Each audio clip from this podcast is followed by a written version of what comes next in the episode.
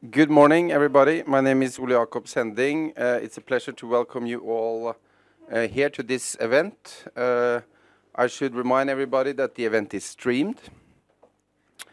So my colleague, Morten Bø, and I decided just before Christmas that we wanted to have a seminar series on the issue of distrust and global disorder and developments in world politics. Uh, Morten had an event here on the Middle East in January. Today, we were fortunate to have Dan Drezner from Tufts University. Then we will have a series of seminars uh, in May. We will have an event on China uh, in June on Russia, um, and later on in the fall on on European politics. Now, first of all, welcome so much, Dan. Drezner is professor at Tufts, uh, the author of many, many books, and also a regular contributor to The Washington Post. Um, and let me, before I kick off with the first question, we will start with a focus on American politics. Then we will scale up a little bit to talk about the implications of political developments in the U.S. for U.S. foreign policy, and then turn to the issue of the effects of that on global governance and global order. Uh, if we could get the, uh, I have a graph that I want to show as a to segue into the first question. So this is from Pew Research that demonstrates the, or shows the, uh, the level of trust in the U.S. in the U.S. government. And and what is interesting here is that one may argue that it tracks basically economic development. So steady economic growth in the 1990s uh, under Clinton, you see there is an increase in trust. Uh, we will deal with this graph perhaps a little bit later. Um, but then you see a steady decline from uh, Bush Jr. under Obama, continues under Trump. Now, this raises a question of the election of Donald Trump as a symptom rather than a cause. So is this a structural phenomenon? And what are the underlying factors that produces that structural phenomenon? Or is it perhaps cyclical? There have been debates in the U.S., as it has been in European countries, uh, that are quite similar to the ones that we are experiencing today, where there is a lack of trust, where there is populist mobilization. So the first question basically to you then is what do you see as the structural factors, and possibly also triggering factors in the political situation that we now have in in the U.S.? Um, so a few things before I answer that first question. First, thank you very much to Ole Jacob for having me come. Uh, I would also like to thank the former Norwegian Justice Minister for uh, stepping down and thereby not having you all check your phones about whether or not there was going to be a government uh, by the end of this talk. The other thing that, and I cannot stress this enough, this is possibly the most important thing you need to understand about the United States right now, which is that Occupied Season 2 just dropped on Netflix last week. So I haven't watched all of it, so no spoilers, please, if you haven't seen it. Um, Now that said, back to the the graph. I think you can argue that on the one hand, it is cyclical. Um, but cyclical implies, you know, when we talk cycles, we often talk about in the form of years, and really, this is a kind of cycle where you're talking almost centuries, or at least many, many decades. Which is, if you read books like um, Richard Hofstadter's "Anti-Intellectualism in American Life," a lot of people misinterpret that book and assume that what the book is arguing is that there's this long streak of anti-intellectualism in the United States. The United States has never embraced intellectuals or trusted elites, and that's not what Hofstadter is saying in that book. What Hofstadter is saying in that book is that there is a cycle, in fact. That there have been periods where, in fact, Americans put great trust Um, in elites. Think uh, the Progressive Era, for example. Indeed, the Progressive Era was in many ways a reaction to the idea that American government had gotten too corrupt and that uh, plutocrats had too much power and so on and so forth. But on the other hand, there are also these counterwaves of rejection of elites. And I think that's what we've seen. In that sense, I completely agree that Donald Trump is much more a symptom rather than a cause of the erosion of trust um, uh, in institutions in the United States. At As to why that erosion of trust, I think there are, to be fair, valid reasons for that. Um, in some ways, you can argue that, that too much trust in elites is equally problematic. Um, it's not a coincidence that the, the sort of spike in trust starts or is it the peak is in the mid 60s and then in the next decade after that you have the wider escalation of the vietnam war um, and then the watergate scandal uh, so you know those twin scandals are not uh, you know nothing and you would expect there to be a decline of trust um, in the best and the brightest as it were um, after shocks like that um, and then you know again you do see it spike again after 9 11. And you can argue that was after a decade of relatively robust economic growth and a, a, situation in which it seemed like both the system was working and there was a sort of rally around the flag effect um, post 9 11. And then we go to what happened after 9 11. And again, you cannot blame Americans for suddenly not trusting elites anymore because after 9 11, you then saw a war launched in Afghanistan that has not ended. You then saw another war in Iraq that had nothing to do with the war in Afghanistan and nonetheless has not ended. Um, and then the greatest economic crisis in a century. Um, you know, uh, at least in the first year, far worse than the, than the Great Depression. Uh, so again, it's not a shock that you see this kind of erosion of, of trust. And there are a few other factors kicking, which I think I w- I won't uh, spoil the preview because I think we're going to talk about that a little more later. But um, but yeah, there there are valid reasons um, for why Americans and and I guess the other thing I would say is that particularly in in foreign and economic policy, you can argue there has been a gap for decades between what elites think is the sort of best set of policies to pursue and what the public thinks. So if you you know the Chicago Council on Global Affairs has done polling on elites and and ordinary sort of the mass public of Americans for quite some time.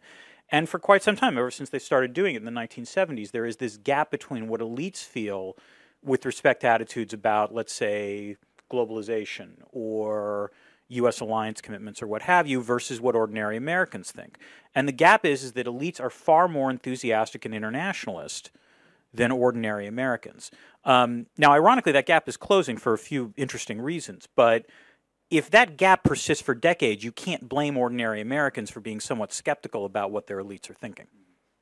One aspect of this is the issue of uh, economic inequality and relative deprivation. So, if you consider, for example, the argument by uh, Clinton's uh, Labor Secretary Reich, is Reich, it? Yeah, yeah, Robert Reich.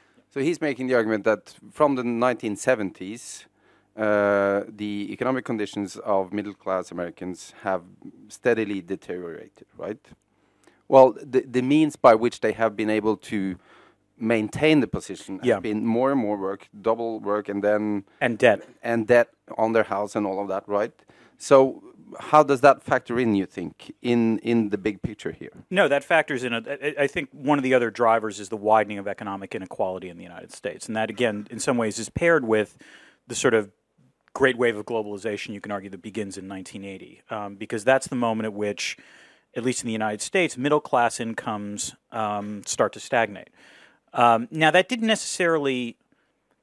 That was you could you could see that in the data, but it wasn't necessarily immediately calamitous for a couple of reasons. First, Americans that owned their homes weren't necessarily worse off because even if their incomes weren't going up, their home, you know, the home equity prices were going up. So in some ways, they were almost sitting on an ATM where they could continue to live a, a you know, an increasingly affluent lifestyle simply by borrowing against their house. Um, and indeed, that was one of the sources in the end of the, the 2008 financial crisis is that you had more and more people not just having mortgages, but taking out home equity loans um, to try to finance uh, current consumption. Um, so that's so in some ways there there wasn't as much of a gap in consumption, but the way that gap was being financed was equally problematic. Um, so yeah, that's that's undeniably true. And then the other thing, in some ways, we're still seeing this play out right now, is that the other thing that's happened that's shifted in the United States is almost cultural in terms of the way the economy has shifted. You know, you see this with debates about trade, and, and we just had a special election in, in the House of Representatives in Pennsylvania, and it was all about steel. And you know, the president, among other things, has said if you don't have steel, you don't have a country. Um, the myth in the United States is that we don't have a steel industry, which we have a very large steel industry. We produce 70% of the steel we consume. But we don't have any more steel workers. Um, and the reason is, is because the steel industry has followed most of manufacturing and that it's become so productive that you don't need nearly as many workers as you used to. Um, so there's so there's been a shift, I think, in terms of, of workers in the United States leaving what used to be considered, you know, good union jobs, you know, on a factory in Detroit or in Pittsburgh, and now they're working at places like Home Depot um, or Costco. They're working on service sector jobs. They don't pay as well and are seen as not digni- as dignified. And, and so, in that sense, it's almost a question of identity as much as it is of economics.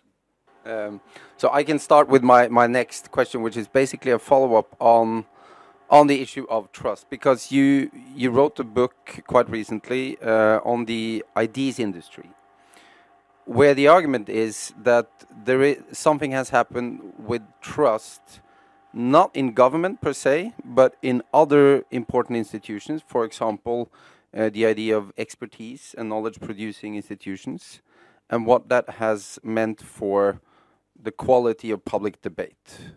Um, you can see some of the same dynamic in in many European countries, um, including here in Norway. So it would be very interesting, I, I, think, to hear the the core argument, but also some examples of of who the actors are and how that affects actually the framing of public debate uh, in the U.S. So in the in the book, The Ideas Industry, I I make the argument that there's sort of three core factors underlying why the marketplace of ideas has changed to where it is now. Um, the first, as you say, is is the erosion of trust in not just the government; it's the erosion of trust in almost any authoritative institution in the United States. So both Pew and Gallup and the General Social Survey have all of these surveyed surveys asking Americans not just their confidence in the government, but the confidence in business, in the media, in labor unions, in teachers, in any sort of major institution. And all of these data trends show the exact same thing, which is that with the exception of the United States military, trust in all of these institutions has trended downward um, significantly. Um, now, part of that is because, and this goes back to the, the previous answer, I would say, it's not just that the government has screwed up. I mean, you can understand why their trust in government would be lower um, because of policy screw ups. There's also distrust in other authoritative elites because there's been a variety of scandals uh, that have been revealed in which these institutions are not quite uh, as above board as we had thought. Um, as a book author, I hate to do this, but I need to cite another book, which is um, I would highly recommend Chris Hayes' book, uh, Twilight of the Elites, um, which is an outstanding book that talks about how, if you look at the Catholic Church or you look at universities um, or you look at other institutions that you would ordinarily have thought were beyond reproach, they're no longer beyond reproach. Um, and indeed, this is reflected in uh, trust in what we would consider institutions that would be considered knowledge based, whether it's universities or hospitals or religious institutions. Uh, the General Social Survey, um, which is run at the University of Chicago, asked Americans, you know, trust in these kinds of institutions. Back in 1972, 50% of Americans had a great deal of trust in these institutions. And by 2012, it was down to 30%. Um, again, in no small part because there have been controversies involving things like vaccines, not uh, you know like the swine flu one back in the 70s, um, or again religious institutions in terms of the Catholic Church, or universities in terms of you know corruption in athletics programs, or um, research scandals that have uh, you know or plagiarism scandals that have affected um, the academy, or even you know. So again, I want to be clear on this. I, I I don't think the erosion of trust is a healthy thing, but I do think it's an understandable thing. And I, I um, you know, so in the sense that that when you see, you know, people doubting social science, well, if you're a social scientist, there's some valid reasons to doubt aspects of social science research, at least in terms of things like replicability. So, you know, we're having these debates within our field. It's not surprising that, that that's spreading uh, to wider uh, wider parts of the, the country. The second trend, and this is one where I don't know how much it generalizes beyond the United States because of different political systems, but it does play a large role, I think, in the United States, is the dramatic increase in political polarization um, in the United States. And, and this comes through if you take a look at things like congressional voting patterns or you know general surveys that Pew have, and others have done in terms of, of party activists and what have you. Essentially, all of the data show the same thing, which is since 1970, Democrats have moved further to the left and Republicans have moved way, way, way further to the right. Um, and this is particularly concentrated among people who are politically active. So, in other words, the more likely you're a party activist, the more likely you are at the extreme of either party. Um, now, there are a couple of arguments within the United States about why this is taking place. One could be that people are actually getting more ideologically extreme. There's another argument that basically explains this on something called partisan sorting, which is to say that essentially, for a variety of historical quirks, you had Democrats in the South um, were much more conservative than, let's say, Republicans in the Northeast uh, for a long time. But after the civil rights era in the 1960s, those Democrats realized they were actually Republicans, and so basically switched parties.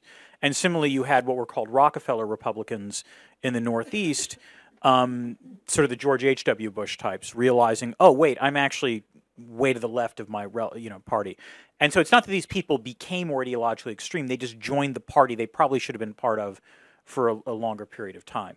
Um, and that matters because it means that if it's partisan sorting, it might be that Americans haven't become that much more radical. It's just be that the parties have become more ideologically pure. But the real problem is that even if it's due to partisan sorting, essentially you're seeing this creation and inculcation of in-group identities, which means that, in essence, disliking someone for their political ideology is the last legal form of discrimination in the United States.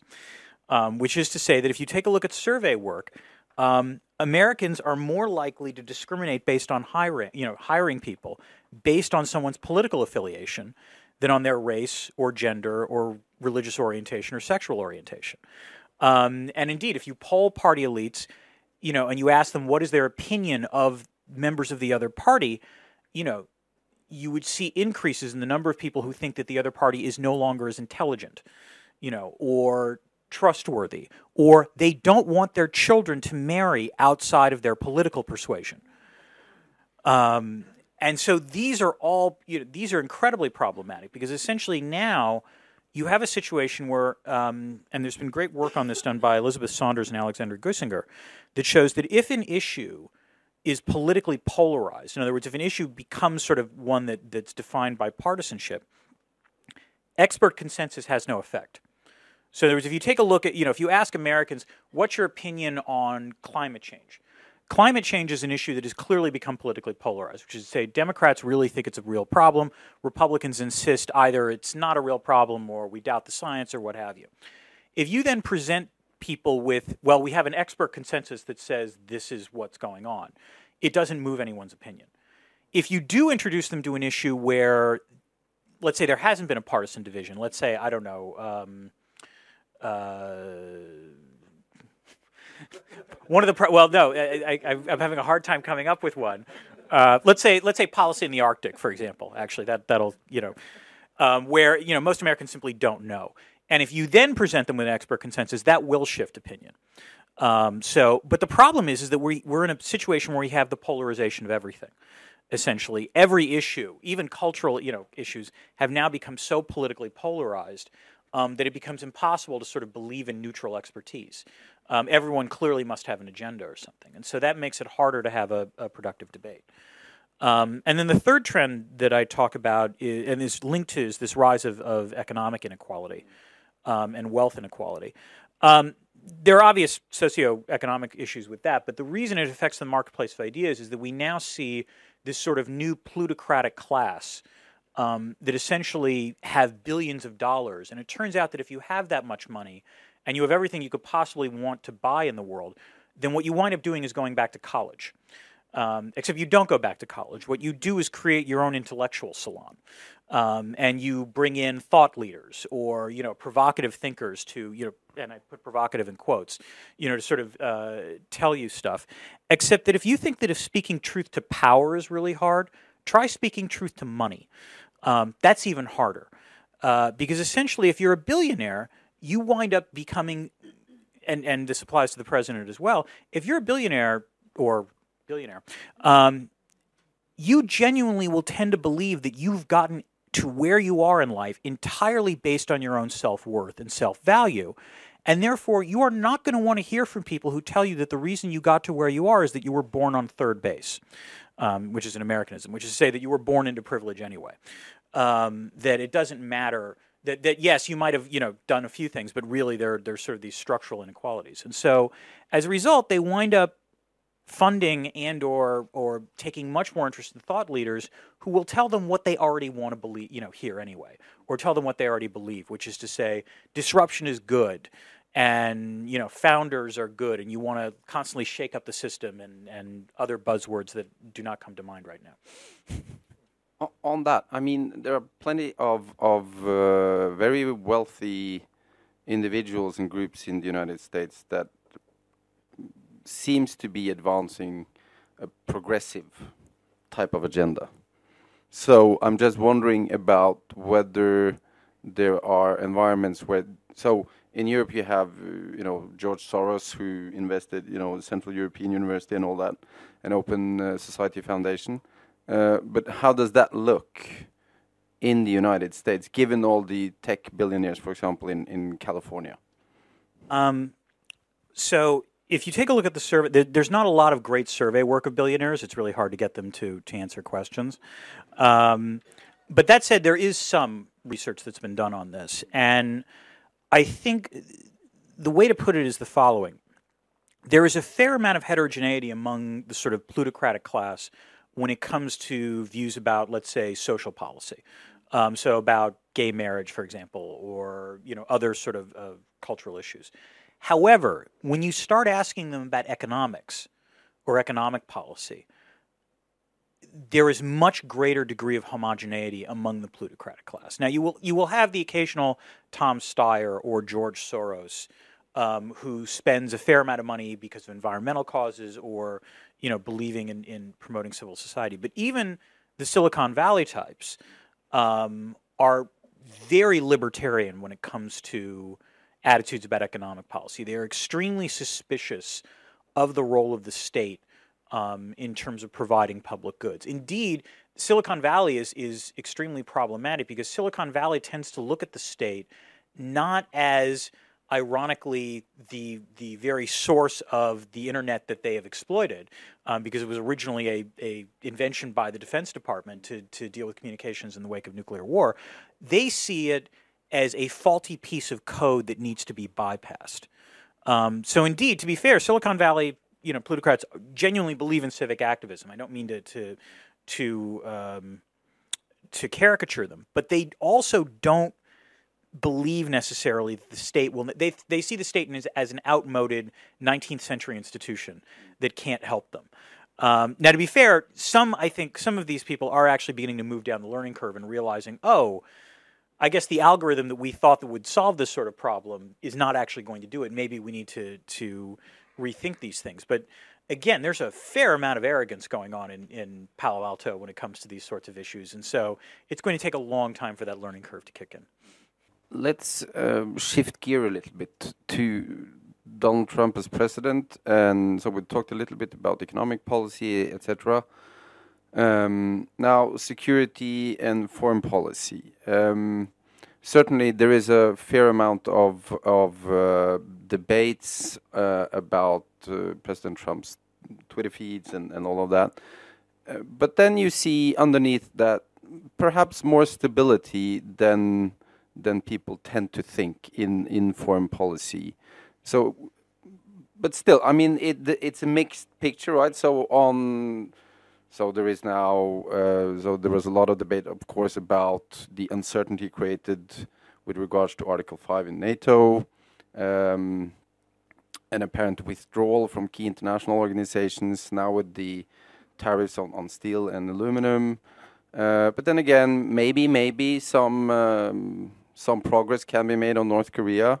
Uh, it remains to be seen. But what's, what's your reading of the changes relative to actual stability on Trump's foreign policy? So I, I, think when it comes to foreign policy, you need to actually there's a nice neat divide between the security sphere and sort of everything else.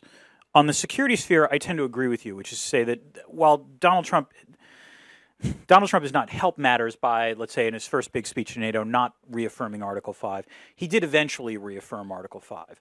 Um, and, I, you know, I had the good fortune of attending the Munich Security Conference um, a couple of, of, weeks ago. And what was striking to me about the conference was the degree to which the American participants, there were two things that were interesting to me. The first is the American participation was a little more marginal than it apparently normally was. So, the Secretary of Defense did not give a speech, which is unusual.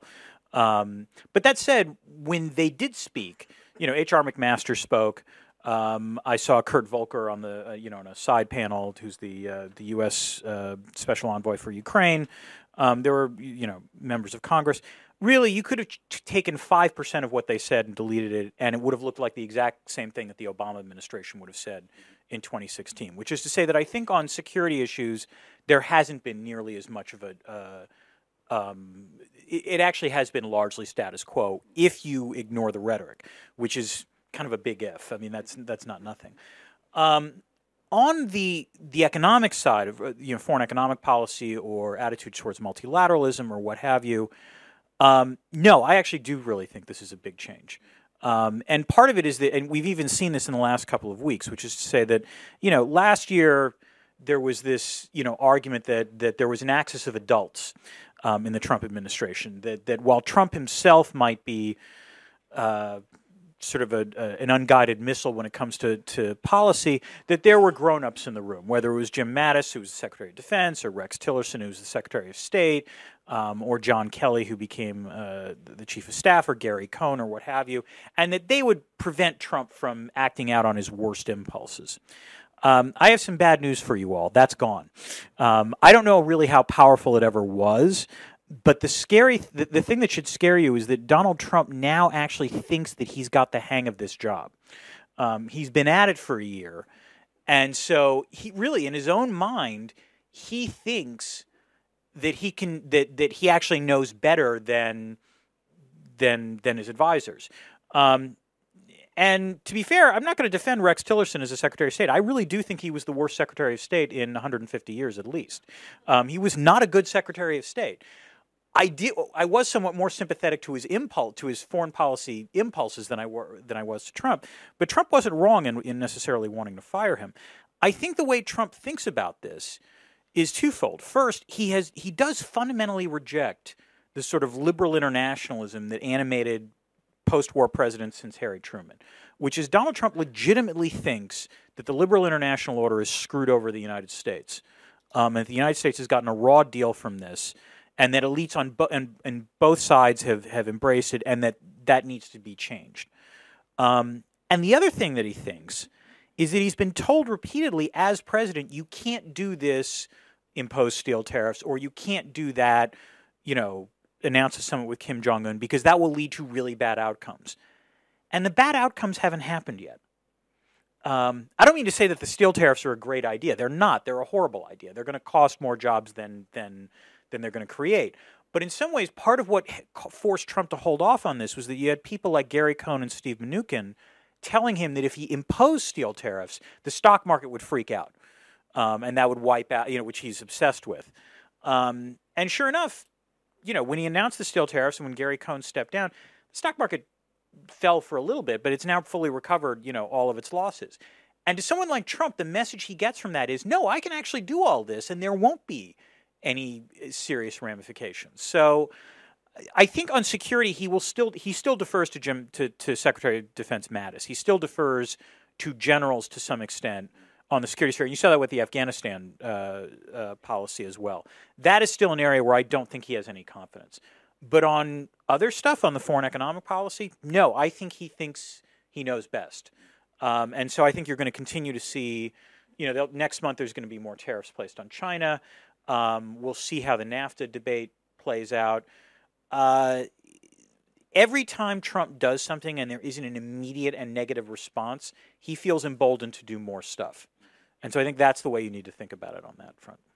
I mean, this brings up another issue, which is if you think about U.S. Um, hegemonic position uh, over the last uh, decades, it has, I think, it could be argued, rested on the premise that the U.S. bears a large share of the costs of certain, you know, goods, uh, and that what you see with Trump is this focus on so the privileging of economics and the idea of costs, and the U.S. being, you know, getting a, a bad deal, is now also affecting security cooperation. So that that is what was underneath the NATO uncertainty, etc. Right. So it's all about focusing on what does this cost the U.S. and not seeing the broader picture, which is well, if you want that position, you have to bear the cost. That is the basis on which your leading position rests. So that brings up the issue, right, of of how that can undermine the position over time, but also how this this is now happening at the same time as you see a new type of tactics from or strategy from Russia, and also, of course, from China beefing up it, its investments within international organizations and also building alternatives to it.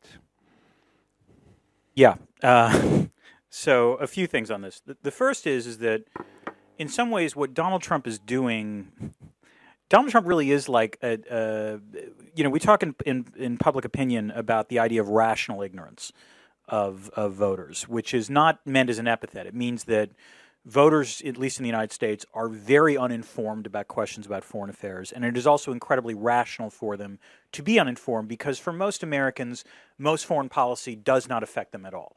These are busy people. They they have jobs. They have mortgages. Um, they've got season two of Occupied to catch up on. So you know they're not going to pay attention to uh, to these other you know these more arcane questions about foreign policy, which means that they're incredibly uninformed about this. If you poll Americans, and this is always the standard way of representing this, and you ask Americans what percentage of the federal government's budget do you think is devoted to foreign aid, the median answer you will get from Americans is about twenty percent of Americans' budget, um, when in fact it is 0.5 percent. Um, so it's one of these things where you know inevitably in presidential campaigns, pres- you know candidates will talk about well the way we're going to balance the budget is by cutting foreign aid, which is an absurd way of thinking about it. Except if enough Americans believe that that we spend a lot on foreign aid, they'll buy this. To, they'll believe this to be true. In some ways, Donald Trump has exploited that, and also might actually believe it himself. But he seems to think that somehow, you know, if we if you rebalance NATO contributions, um, and or that that countries start paying more for U.S. for the right to base U.S. soldiers, which is a truly odd concept, that somehow that will improve America's finances, and and even a quick glance at the numbers shows that, that that's not going to be the case. But the other thing, and I agree with you on this, is that what, what Donald Trump doesn't realize um, is that a lot of what has sustained what we would consider American leadership or American hegemony is the no is two things. The first is, is that America has borne a disproportionate share of the burden in terms of military spending to some extent. And to be fair, that also served American interests. One of the best benefits of U.S. hegemony for a long time was not just that the United States, you know, had a large military, but because of our alliance system, it meant that countries like Japan or Germany did not have large militaries, um, and that was generally thought to be a good thing from the perspective of the United States. Uh, and also a good thing for because it meant that South Korea was less worried about Japan or France was less worried about Germany or what have you. Um, Trump doesn't realize that at all. Um, the second thing and again, this is going to sound corny, but but one of the reasons that I think U.S. leadership worked was not just because the liberal international order served U.S. interests; it was that also the U.S. could evince a higher set of ideals that the liberal international order was supposed to appeal to. That there was a higher social purpose. That it wasn't just good for American interests; it was good for American values. The values being promotion of democracy, promotion of free markets, promotion of human rights, and so forth. And Donald Trump doesn't believe in any of that.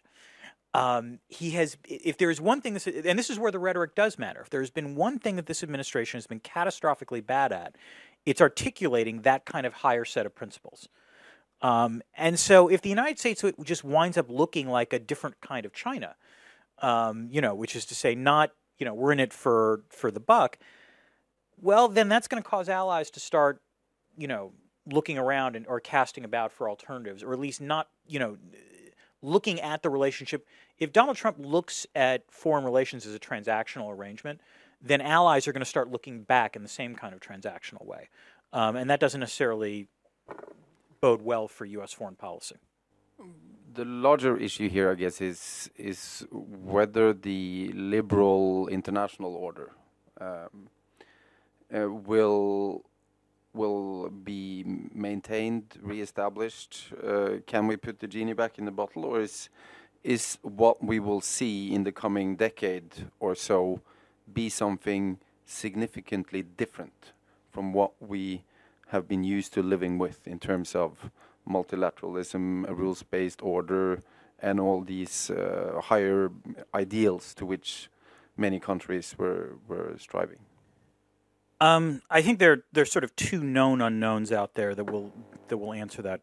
Well, I guess maybe three known unknowns that will answer that question. The first is, what does China think about the current order?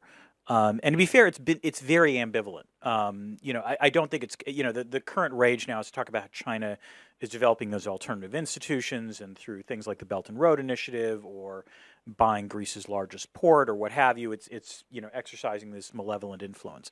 Um, I, am not going to, you know, obviously, you know, if you look at China's internal politics, they're they're clearly going from semi-authoritarian to really, really authoritarian. But to be fair, China, you know, and I argue this in, in my book, The System Worked. China did play a was a responsible stakeholder in the wake of the 2008 financial crisis. China, at least on the economic side, does buy into these kinds of, of um, you know principles of of the benefits of globalization. I mean, it's globalization with Chinese characteristics, but there, there is a fair amount of overlap between that and what the, the West has generally promulgated. The question is whether China feels emboldened to rewrite the rules of the game even more in favor of China. Um, and I, to be fair, I'm not. I, I think that's still unclear. Um, you might think with time they'll they'll grow more confident, but I, I think that masks the degree to which China's internal economy is going to be facing some significant challenges in the next couple of years. And the question is, how does it navigate those challenges? The second known, un- known unknown is what happens in American politics. So, you know, we've been talking about all these sort of trends about erosion of trust and so on and so forth, and, and Trump is president and, and will be probably until 2020. Um, what this masks is the degree to which Trump himself has wound up generating vigorous antibodies to Trump.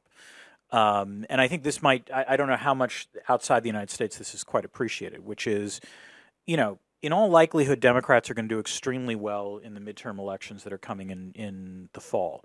Um, you've already seen them, you know, a Democrat won a Senate seat in Alabama. Um, you know, for non Americans, this doesn't happen anymore. That's not a normal thing. Um, there was just a special election in Pennsylvania where a Democrat won a seat that Trump won by 20 percentage points. Um, 15 months ago. This all suggests that while Republicans at this point control all three branches of government, um, it is not clear if that will be the case going forward. Um, so it's possible the Democrats might take back the House in 2018. I would put better than 50 50 chances of that at this point, um, which is not to say it's a slam dunk, but it might happen. And then the real big question is is Donald Trump a one term president or not? Um, so, first, if the Democrats wind up controlling at least one branch of Congress, suddenly Trump will face far greater constraints in terms of implementing some things that he that he might have thought he was going to be able to do before. And he's also going to be facing the subpoena power of Congress in a way that he wouldn't have he hasn't had to deal with. He has had to deal with, but not nearly as much as he would have if, if Democrats were in control. And then it's whether Donald Trump gets reelected. You know, Donald Trump getting elected once is a fluke. Um, him getting elected twice is another question altogether. And you know, the problem is is that Americans have been in the habit of electing, uh, reelecting the incumbent uh, for the last three go-rounds. So um, it is entirely possible that Trump could win in 2020, particularly if, by the way, you have a Democratic Congress that winds up acting in an, an antagonistic way. But what is striking to me, I guess, is the degree to which you have a U.S. by any sort of conventional metric in terms of, of the U.S. economy the U.S. economy is doing pretty well right now. You know, we have pretty low unemployment. We've got pretty decent and uninterrupted economic growth for the last almost 10 years now. Um, inflation doesn't look to be that big of a, a, problem. You know, the economy seems to have be occupying the sweet spot right now, and yet Donald Trump has an approval rating of only 40%. That shouldn't be happening. He should be at 60% with that kind of economy. And so it suggests that Trump himself is genuinely toxic enough so that um, you might see this sort of uh, political blowback to him. And if you have Democrats elected, they're, you know, part of what's going on is they do embrace the liberal international order.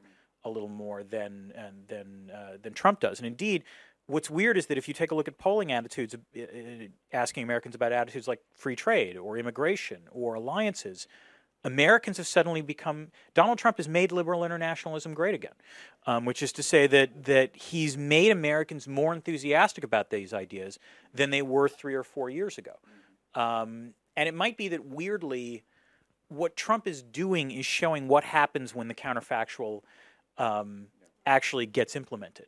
You know, it's easy to criticize the liberal international order, you know, by saying, well, there are these problems, and there are these problems. I don't mean to say it's a it's a perfect system, but what Trump has done is demonstrated, okay, this is what happens if you deviate from that.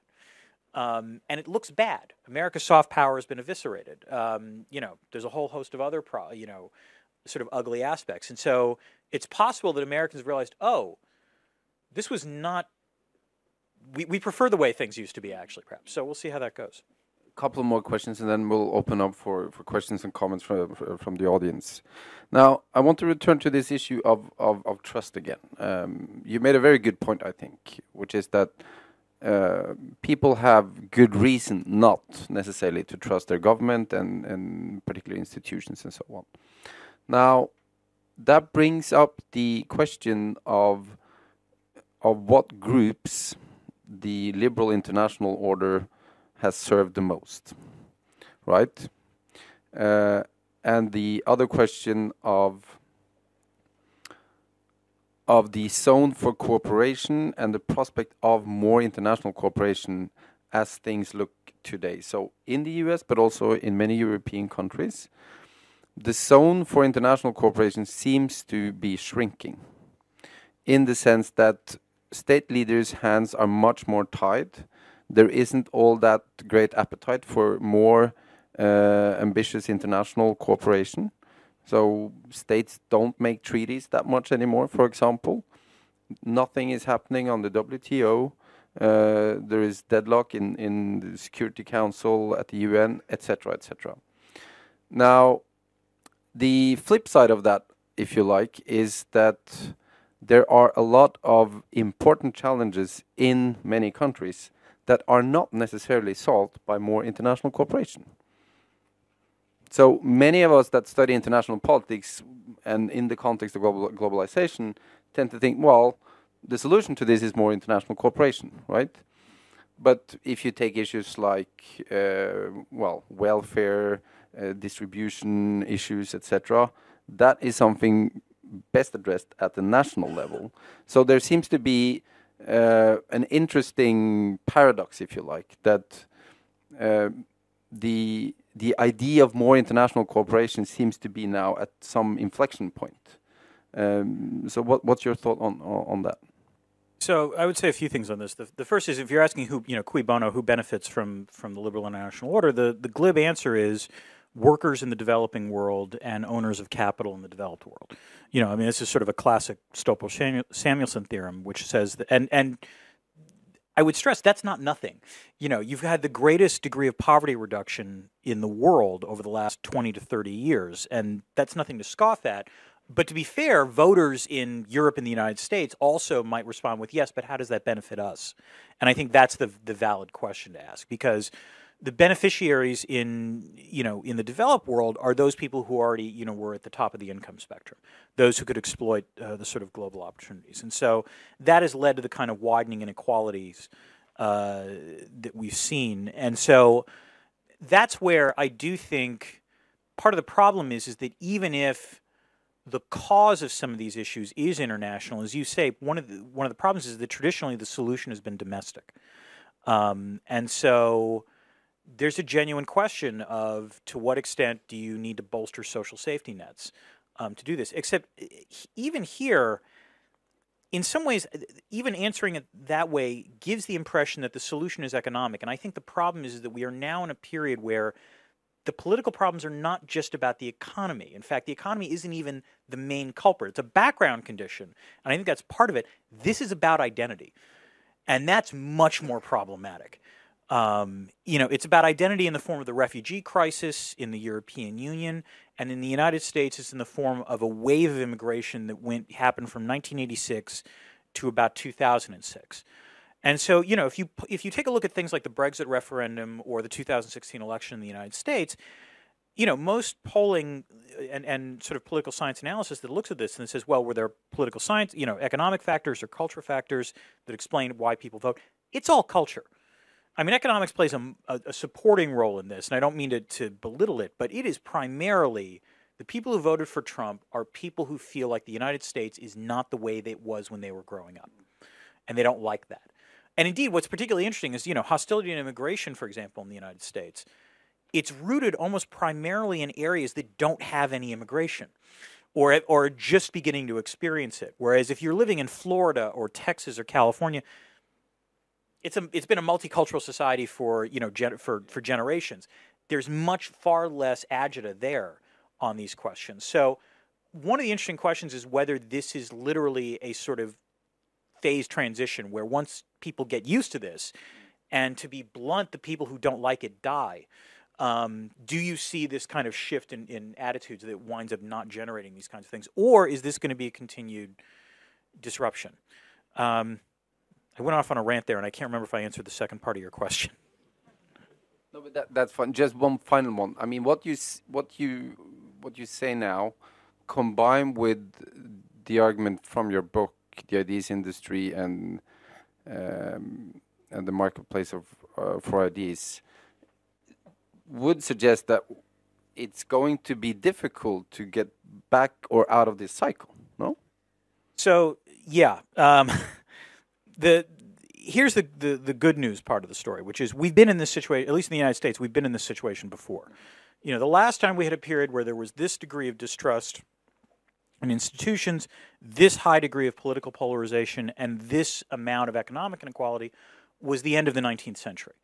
Um, and the good news is, is that there was then a progressive era, and you know you wound up the cycle turned, you know, and, and eventually you wound up with a, a, situation where elites played a larger role. That's the good side of the story. Uh, the bad side of the story is that while the progressive era played a role in that, so did two world wars and a Great Depression. Um, that you had really serious shocks to the system that caused people to realize, oh, okay, we've we've got to change the way we do things. And what does terrify me is the notion that we need to have that kind of that degree of shock for the situation to change. And I honestly don't, you know, that's a very uh, uh, gloomy way of, of ending, but it, it's nonetheless the reality, I think. On that note, let's uh, let's get some questions and comments from the audience, and I'll ask you please to identify yourselves and, and be brief so that we can have many questions, starting in the front here. Thank you. Julie Wilhelmsen, I'm a senior research fellow here. I had one, uh, two quick questions. First one, you said that the, there's a lack of trust to all leadership apart from the military and the generals. Could you explain why there is trust in them? Then, secondly, I'm interested in the relation to the liberal uh, international order and the return of people who believe in that. And I would like you to elaborate a bit because there are different versions of how to support this uh, liberal uh, international order. And um, I'm I'm a Russia studies person, and I would say that you know the the version of uh, spreading the liberal international order through military intervention uh, is in a way a new uh, a new version of it, which has been escalating in the past 15 years, and it creates a lot of problems. For Russia, for example, the uh, liberal international order wasn't so problematic before this trend started. So, is there another camp who would uh, um, promote a liberal, uh, liberal international order through more peaceful means? Is there any thinking on that in this alternative camp? Thank you.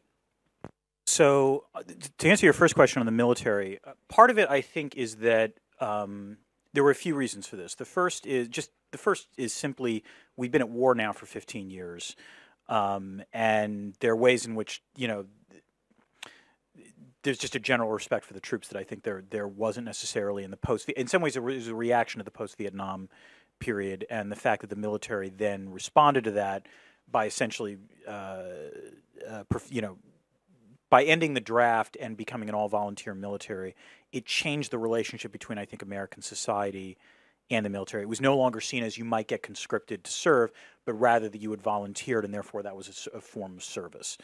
Um, and related to that, I think part of the reason the military still has high levels of trust, despite the fact that there have actually been a fair number of scandals within the military as well, um, is that the military represents ideals that both liberals and conservatives can like. So, in terms of conservatives, conservatives like the military for all the standard reasons you would expect conservatives to like the military. It represents, you know, belief in, in you know, patriotism and national service um, in a hierarchical, you know, command structure. Um, all of these kinds of things. But the military in the United States has also been, in some ways, a trailblazer for a variety of social, uh, you know, for forms of social change. Um, that means that liberals like it too. So I mean, when when the military desegregated, that was that was ahead of rather than behind the civil rights movement in the United States. The uh, treatment of gay marriage um, and and uh, gays serving in the military it was remarkable how seamless that was in some ways. Um, it, you know, in the in the late 2000s and, and early part of this decade. Um, and so, in some ways, the, the the military represents an aspect of society that, um, which is disturbing in some ways, but but in some ways, the military represents a way in which society functions that I think a lot of Americans would wish that the rest of the country operated along. Now, the problem, of course, is that that then leads to some some disturbing implications, which is, do you really want uh, the rest of the country to to function like the military? But that said, there are admiral, you know, there are there are extremely admirable ways in which the military has handled a variety of sort of social changes in the country, which you can argue the rest of the country has had more difficulty dealing with. Um, on the liberal international order, so it's funny when I think liberal international order, I don't necessarily think about the security side of, of things as much. Partly is because I do global, you know, I'm my original training is in global political economy. So when I think liberal international order, I think the economic rules of the game, or the environmental rules of the game, or you know, to some extent, the sort of ideals about human rights and democracy that that are being promoted. But you're right. Eventually, there's a security sphere of it. Um, do I think that the liberal international order can be divorced from that completely? No, but is it possible to talk about defending the liberal international order um, in a way that that focuses primarily on non-military means as opposed to military means? Yeah, I think absolutely. And in some ways, this goes back to the thing I'd forgotten to, to talk to you about. When we talk about the liberal inter- international order and the sort of institutions that make it up, I think there's a danger in confusing stock with flow. By which I mean that the stock of international institutions that we have now is far thicker than it was even 20 years ago um, and certainly 40 years ago or during the Cold War. Um, the problem is, is that the flow has stopped. Um, what what you haven't seen is the creation of really sort of vigorous new multilateral institutions. Instead, they're much more informal things like the G20 um, or the P5 plus one or so on and so forth. And it's interesting to ask whether that's a, uh, whether that's a problem or, or a solution. And I, I think the jury is still out on that. It might be that it's it's concerning because we don't have these sort of hard treaty organizations that you know that, that demonstrate a degree of durability that presumably a, a, contact group like the P5 plus one doesn't. On the other hand, the reason you're seeing a shift to those groups is because they're less rigid, they're a little more flexible. Um, I, I, think you ideally, in terms of global governance, want a mix of those kinds of, you know, hard law institutions, but you also want the kind of soft law ones. And in some ways, much as in the United States, what we're concerned about is not the erosion of the rule of law, but rather the erosion of norms that we previously didn't realize we had taken for granted. Um, that now are suddenly becoming much more important because we have an administration that doesn't necessarily adhere to them. I think that's also true at the international level. That the problem isn't, you know, just the WTO is collapsing or anything like that. It's that some of the norms or more informal regimes that we took for granted no longer seem to be operable. And so, in some ways, the question is how do we cope with that? Hi, um, Hilde Restad, Bjørknes uh, University College. Thank you for being here, Professor Drezner. This is really fun and depressing at the same time. Um, I'm glad you you um, addressed identity at the end because I think um, what political science is finding about the what what Trump was the symptom of was much more identity um, than economics, and um, I have two questions. One is about you mentioned the effect of immigration in the U.S., uh, which is related to the demographic change in the U.S., right? So, in many ways, can you reduce what Trump is a symptom of to the reaction to the fact that in 2045 the U.S. will be a minority majority society where white people will no longer be. Um, because when you're talking about identity, what you're talking about is also status, and this feeling that white males, let's say, are no longer the master race, let's say, of the U.S. These I don't like using these not words. Say that, but, but I, I understand what you're trying to say. Yeah, yes, no, yes. it's um, Trump brings out the worst in all of us. So uh, that makes me a li- yeah. really uncomfortable. Yeah. But, keep, but well, keep going. Yeah, exactly. It, it makes everyone uncomfortable. Yeah. Um, and the second question is about um, the partisan makeup of distrust, because you guys are talking about the gen the general levels of distrust in, in American society, but I would argue that one party has been more um, active in telling its voters to not trust elites. Um, e- even as president, Ronald Reagan, you know, said that the, the problem is the government; it's not the solution. And the scariest words in the English language is "I'm the government. I'm here to help you." Um, and since then, it's sort of been downhill in terms of the Republican Party telling its voters not to trust elites or the government. So I'm also wondering about the, the partisan makeup. May I suggest that we, we group them a little bit? Um, so that we have time for uh, for everybody uh, there, and then. I'll just make this. Uh, yeah, my name is Jon Færseth. I have a, just a short question. Uh, when you show uh, the chart you showed with the ups and downs of trust in government or in elites, it seemed to me that they tend to be on a low when it's Democrats in power in the White House. Is this a correct observation, or and what is the reason behind it? If so, or is it just coincidence? Okay, I'll answer that question uh, question first. Uh, no, I don't think that's correct. Um, which is to say, if you take a look at the chart, uh, you actually saw rising levels of trust when Clinton was president. When Obama was president, you saw low levels of trust. But to be fair, I don't think that it, that that had something to do with Obama and a hell of a lot to do with the 2008 um, financial crisis. So I don't think it's linked to. That's not linked to party. What you generally see happen is that when what it might be is that. Um, when a Democrat takes, you know, uh, power of the presidency, it's remarkable how suddenly Democrats have much greater faith in the government, and Republicans suddenly have much greater distrust of the government. Um, or and, and, then there are occasional moments where you know, like for example, there was a lot of talk about how in 2017 Americans had never felt better about the economy.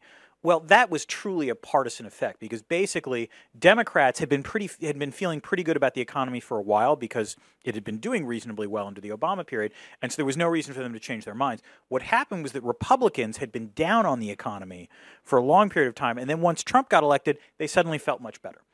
Um, so that's that's that's a, a, an artifact of partisanship, but I don't think it's it's it's not the case that when Democrats are in power, trust in government has gone down. Period. I, I don't. Um, it, it, it's there's something more complicated going on there. Um, okay, with, with, respect to Hilde's question, so the first on on the, the, sort of majority, you know, what happens when America no longer becomes a, a majority white country? First of all, this is going to sound weird. I'm going to question your premise. I know the demographic trends, but the demographic trends are driven extremely heavily by Hispanics, and this is going to be a fascinating question of the identity of Hispanics, of second generation and third generation Hispanics which is I can easily conceive of a scenario where third generation Hispanics don't think of themselves as, as Hispanic. They think of themselves as white. Um, and indeed, the very category of white belies the fact that if we were talking about this 100 years ago, we'd be talking about all the dirty Irish and Jews and, and you know Eastern Europeans that are coming into the United States and you know ruining the, the master race in that level, which I'm not Speak, let's be clear. Don't endorse any of that, but I'm, but I'm saying you would have had that kind of debate happen then. Um, so in some ways, the categories are almost defined in, in some ways by the other. Um, and the question is, to be blunt, do you still see darker skinned Americans as the other in 2045? And I. I want to say no, but I'm, I'm. This is one area where I've grown more and more depressed over time. Um, one of the one of the best books that I've read over the last couple of weeks has been um, "How Democracies Die" by uh, Levitsky and Ziblatt. I don't know if that's gotten here yet, um, but one of the, the one of the things I will give them credit for is they point out very plainly that part of the reason there were higher levels of trust in the country in previous eras was that they didn't poll black people. And because African Americans did not have any political voice. And so in the 1950s, you could talk about there being a sort of, you know, much more constrained uh, degree of political difference because you know you were only talking about white people, um, and so as you start widening that that aperture, it's not surprising that you have you know much higher degrees of distrust. And there was a second part of your oh the, the whether the GOP is particularly responsible for this. Um, I mean, obviously the GOP has campaigned more heavily on distrust of government, but I, to be fair, there have been periods where Demo- when, when a Republican is in charge, Democrats start distrusting government too. George W. Bush being behind the 9/11 attacks, or for that matter, the Trump administration or, or Donald Trump being a puppet of Russian, you know, plutocrats. Um, one of the things I can't stand about this administration is the degree to which it forces a conspiratorial mindset. I can't stand conspiracy theories, period. But I've, I've talked to a lot of experts who, you know, normally study the Middle East, the sort of Gulf sheikdoms, and what they keep telling me now is that it, what bothers them is that they have to apply that kind of mindset to explain what's going on in the United States right now. Um, so that's not good. My name is Ulf Sverdrup. Thank you so much. Uh, I have uh, one uh, just uh, remark and then two two small uh, questions. The first is, I think that what you describe as a trust crisis in the U.S. is not only a U.S. crisis. Uh, a lot of the things that you say is also related to what's going on in Europe. So, so that's and I think that you're stressing on partly on policy failures, but also on identity politics. I think is really important. Now, two questions. A very simple one. Uh, first one, how to restore trust. How to restore trust in foreign policy, in economic policy, how to overcome political polarization, and how to address the identity challenge. Uh, it's not the easy one, but it will be interesting. Uh, so, if it is worth preserving, how to restore it, and that's, and, that's the, and then the, the, second comment relates to uh, this trust in elites and trust in knowledge because currently there's a big discussion in the US about misinformation and fake news. And uh, basically, a lot of that discussion is based on the premise that somebody else is somehow misinforming. Uh, otherwise, we would be in uh, would be, in harmony, and we would make enlightened decisions.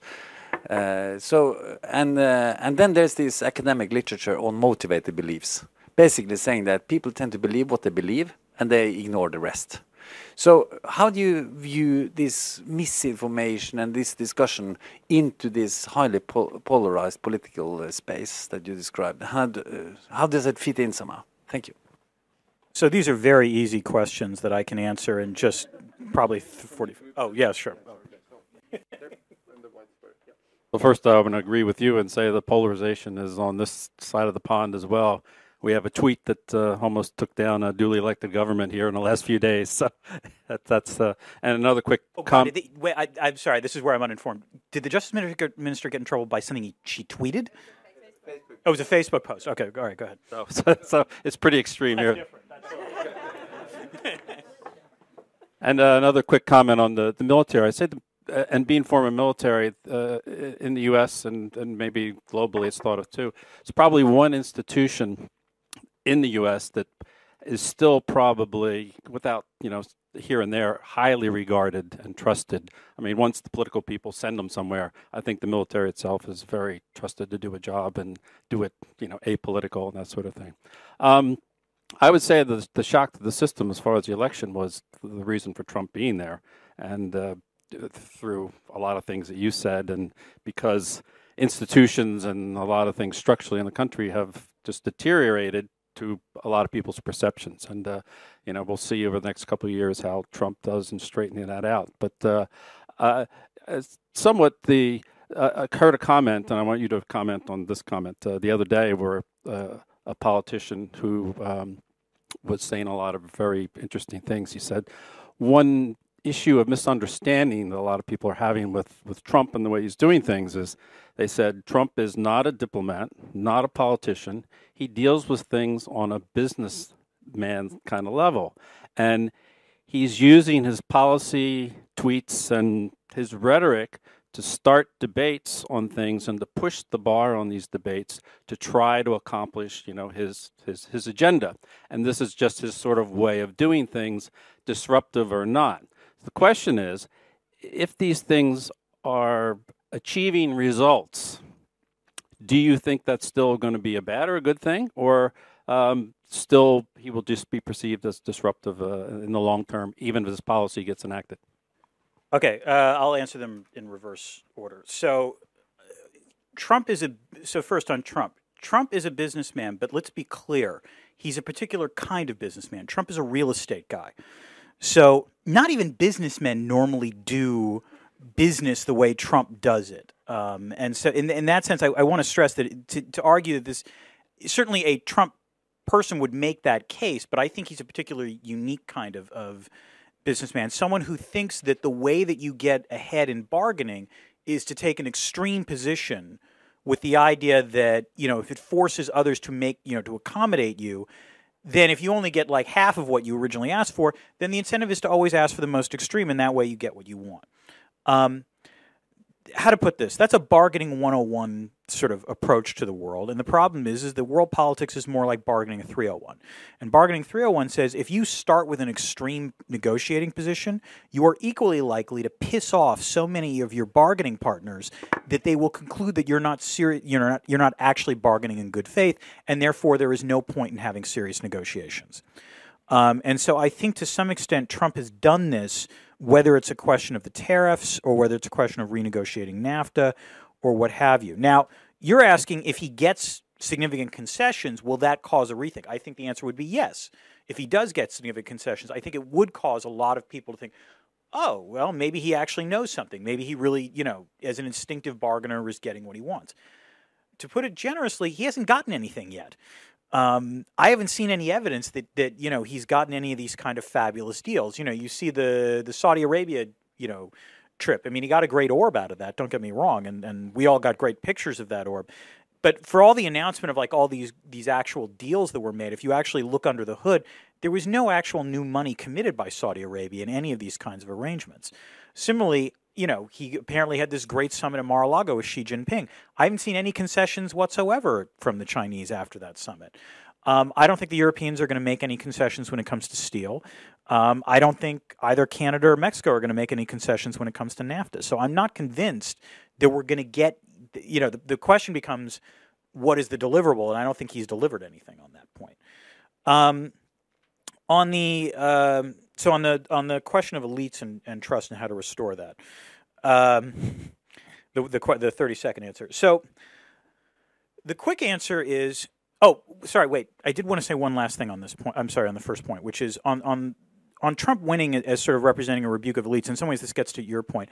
I do think there is a danger of overinterpreting Trump's victory um, as sort of this general rebuke of all elites for for a few reasons. First, again, I hate to you know beat a dead horse on this. Trump got three million fewer voters than than Hillary Clinton did. So the idea that this was some popular groundswell in favor of Donald Trump is crap. It's just, just wrong. The second thing is that, and again, I can't stress this enough. There has been one time since 1945 that a political party has won the presidency three times in a row, and that was you know Ronald Reagan and George H. W. Bush. You know, at the end of the 1990s, Bill Clinton oversaw what would look like a really robust and great economy, and Al Gore loses that election in 2000.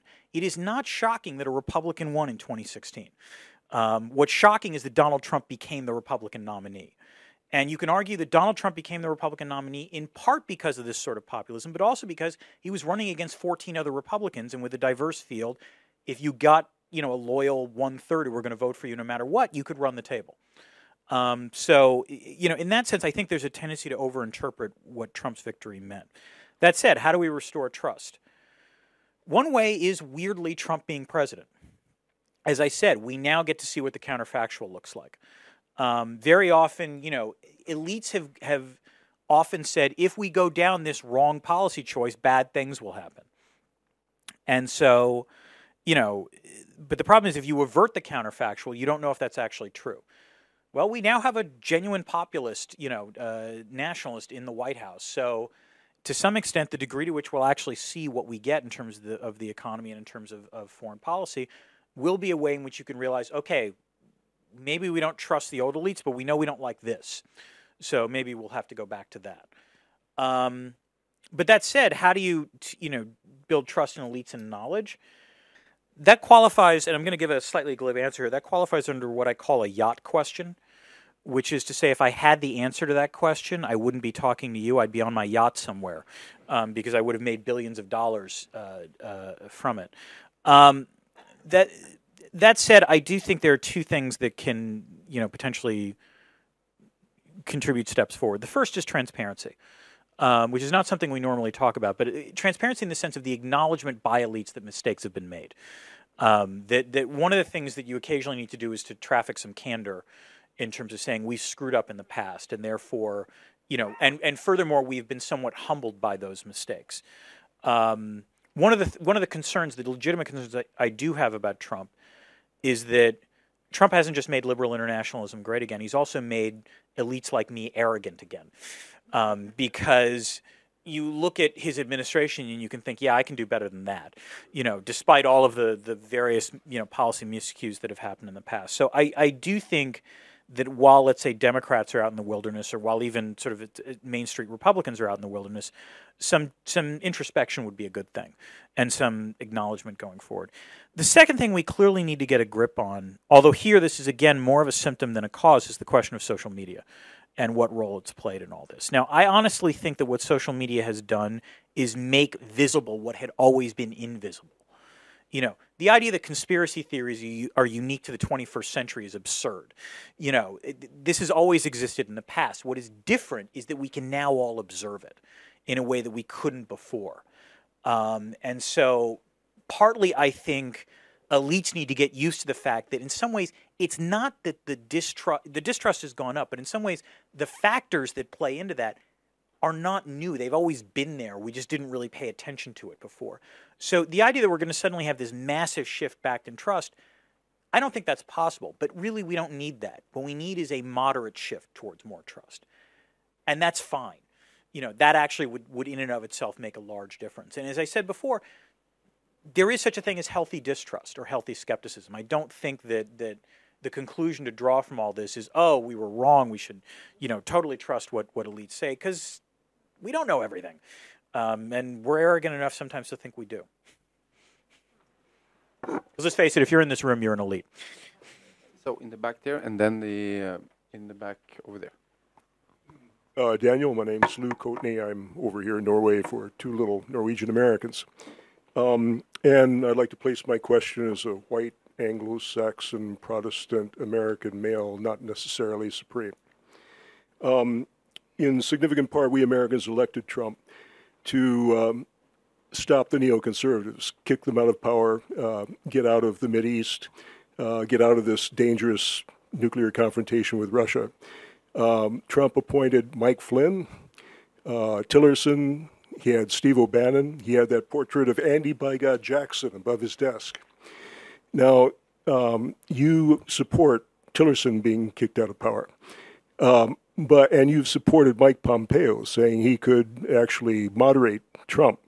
But Senator Rand Paul says Mike Pompeo is pro-war. And so I'm concerned about that. I've got another question about uh, distrust of intellectuals like Bernard Henri Levy, who you uh, appear to defend, but I'll save that for later. Um, so, um, is Mike Pompeo going to lead us to help lead us to World War III? Hello, uh, my name is uh, Jan Brevel. First of all, thank you for an excellent uh, discussion.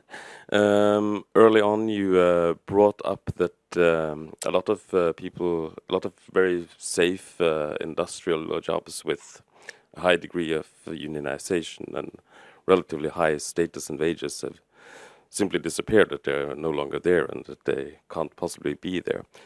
Uh, and uh, a lot of those people would have moved into uh, retail jobs, so such like. But uh, uh, and I'm not sure to the extent to which it is true, but you keep seeing headlines about retail more or less disappearing and dying, and also becoming automatized. Uh, and I would uh, like to hear if you have some uh, comments on what the consequences of that are and what potentially can be a political solution to overcoming that problem. Thank you. So again, I'll do the reverse order thing. So your question is a really good one. Um, yeah, I mean, obviously, there, there, you know, there's there's uh, a new phenomenon in the United States about retail deserts um, and you know sort of abandoned malls. Uh, and really, in some ways, what what this is de- coping with is that for the longest time, there had been, you know, there's always been a protectionist element within the United States because trade was thought of as a policy choice. Um, you know, and if you opened up to trade, it would create new winners and losers. It would redistribute things. And while there's certainly a, a good economics argument for that, the you know, that on the whole there will be a net gain, you can understand why there were there was political resistance to that. In some ways, what we're beginning to see now is this question of what is what should be government policies towards innovation, um, because that's what you're talking about. And you know, this goes back to this Schumpeter concept of creative destruction. The notion of, of in, innovation is that it always creates creative destruction. It destroys, you know, certain sectors as well as creating many. Now, one of the ways in which America has, I would argue, been exceptional in the past is that Americans are far more enthusiastic about technological innovation, I think, than most other countries, even most developed countries. Um, and the general norm in the United States has been yes, even if you you know have a technological innovation that destroys some old sectors it doesn't matter because you create all these new ones as a result so it's okay if for example upstate new york is devastated because kodak and polaroid go out of business because you've created this whole new digital photography thing and, and the consumer benefits are obvious i think it's going to be very interesting going forward whether things like automation of let's say long haul trucking or you know which is by the way the largest source of blue collar jobs in the united states um, or as you say, retail jobs. I don't have a great answer to this. Um, I, I, honestly don't. Um, the, the, the only thing I will say is that, in some ways, again, this gets bound up in identity questions because it's this notion that what made the United States great was we were a manufacturing powerhouse, that we made things. Um, and the truth is, that was never completely true, um, but it's really not true now because America's you know comparative advantage is actually in services. Um, we're really good at that. We're also really good at consuming, but that's a whole separate conversation. Um, and the, in some ways, and this goes back in some in some ways to the the last question. I think one of the ways that you can actually change the debate in the United States is if weirdly you start valorizing services more. In other words, you don't just lionize the factory worker, you lionize the nurse or the teacher or the other sort of service professional that actually, you know, that, that if you add dignity to those kinds of jobs, and those jobs do have a fair amount of dignity already, I would say, but, you know, if you actually add dignity to those things, that actually does change the conversation a little bit. But that's a hard thing to do and it takes time. On Mike Pompeo, um, so let me be clear what I was trying to say about that. Uh, Rex Tillerson had as I said, foreign policy instincts that I was probably more simpatico with. I didn't think the United States should pull out of Paris. Um, I don't think we should pull out of the Iranian nuclear deal. I don't think we should necessarily trigger a war in North Korea. I'm pretty sure Rex Tillerson believed in all those things, but it didn't matter because Rex Tillerson was the least competent Secretary of State in history. It doesn't matter if you believe those things if no one's listening to you. Um, and again, what I was genuinely impressed by was the fact that Tillerson managed to alienate every major power center in the United States that you would care about if you're a Secretary of State. The only person who was on his side by the end of it was the Secretary of Defense, which is not an insignificant thing, but the president didn't trust him, the building didn't trust him, Congress didn't trust him. And if that's your situation, it doesn't matter what you believe because no one's going to listen to you anyway. Pompeo, on the other hand, is undeniably more hawkish, and I am concerned to some extent about whether or not that means the United States will pursue a more hawkish course of action. But that said, Trump trusts him in a way that he doesn't trust Tillerson, or never trusted Tillerson, which means that if Trump were to, you know, propose something like, let's say, I don't know, a bloody nose strike on North Korea, that someone even as hawkish as Mike Pompeo might stop for a moment and think, well, I'm not sure I like where that's going to go. And if someone like Pompeo says, I don't think that's the right course of action, Trump will listen to him in a way that he would not have listened to Tillerson.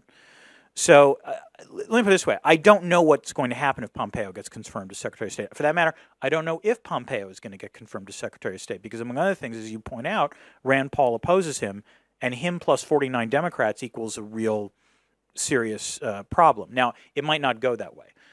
That said, there are moments where a hawk, if they're a responsible hawk, can actually stop even worse impulses. And at this point, all I'm concerned about with the Trump administration is preventing the worst case scenario. Thank you so much. Um, I don't see any more questions. So, oh, here's one. Halvard from from NUPI here. Thanks for coming. Uh, one question we haven't really talked that much about is international trust, and the question is really goes back to the United States though. Um, to what extent do you believe the elites in America have realized that, for at least for Europeans and for many others as well, Um, Donald Trump is not a bug; he's a feature. Over the last five elections, three times you elected, two times you elected George Bush Jr., and one time you elected Trump. And so, do, do you, to what extent have American foreign policy elites, or elites more generally, acknowledged that to outsiders? I mean, the U.S. is not just not trustworthy. I mean, I mean, the parties tend to change, and if the Republican Party tends to nominate people like this, you you move from a position where the United States could lead and have a sort of well, I don't like the word soft power, but you had sort of transaction costs were low because you were trusted. I mean, a lot of people just by gut reaction trusted the United States. If you move to a situation where everything is interest based from the other side as well, from the European side as well, the costs for America of doing foreign policy are going to be sort of rising all the time. So, do people realize this, or is just sort of do, do people actually believe that if you elect someone else, things are going to be just hunky dory and fine? Last question. The million dollar question. My name is Bente Knagenian.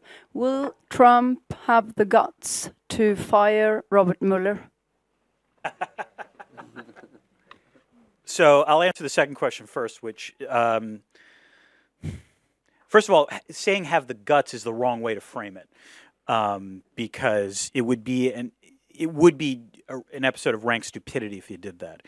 Um, I think if Trump has any degree of introspection, I don't know if he has any, he would acknowledge that his biggest mistake in his first year of office was firing James Comey as FBI director because that move triggered the appointment of the special counsel, which has then led to where we are now. Um, if he fires Mueller, you know, we have press. It partly depends on how much longer this is going to go on. When does he do it? But the fact is, is that you know, the Mueller investigation has actually been as special prosecutors or special counsels go, it's been a remarkably productive one. He's been, it's worth remembering, he's been in office less than a year. He's already, what, indicted five, I mean, he already has indicted something like 20 people. He's gotten plea deals for a couple of them. There's going to be a trial of Paul Manafort coming in the fall. Um, he's made a fair amount of progress. So, and, and indeed, if you take a look at polling, most Americans do trust the Mueller probe more than they trust the Trump administration. So if he does, it's worth remembering that when Richard Nixon tried this um, during what was called the Saturday Night Massacre, when he ordered um, his attorney general to fire Archibald Cox, who at that point was a special prosecutor, Cox refused. He then Nixon fired him. His deputy refused. His deputy got fired as well, and then finally the Solicitor General fired Cox. That was called the Saturday Night Massacre in the United States, and in some ways it was the beginning of the end for Nixon because it indicated the degree to which he was willing to abuse his power. I suspect it would play out that way. In other words, he would ask Rod Rosenstein to fire Mueller. My guess is Rosenstein would refuse, at which point he would have to fire Rosenstein and then find a subordinate who would do it. And it would be as problematic because, it, you know, it's been the one tripwire for congressional Republicans. I mean, and you saw that over the weekend where you even had people like Marco Rubio actually pretend like they have a spine or something.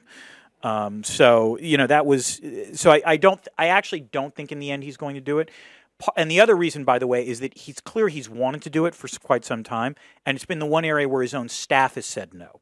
We know that Don McGahn has refused twice to, you know, intercede to try to fire Mueller. I don't think.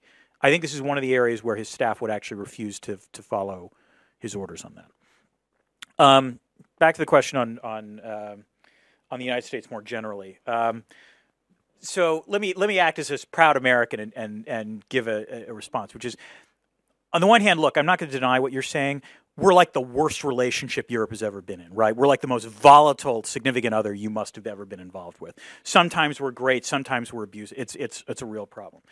But that said, the, the same country that voted Donald Trump and George W. Bush president also was the first OECD country to vote an ethnic minority to be its president in the form of Barack Obama. Um, so you know we're we're a mixed bag that way.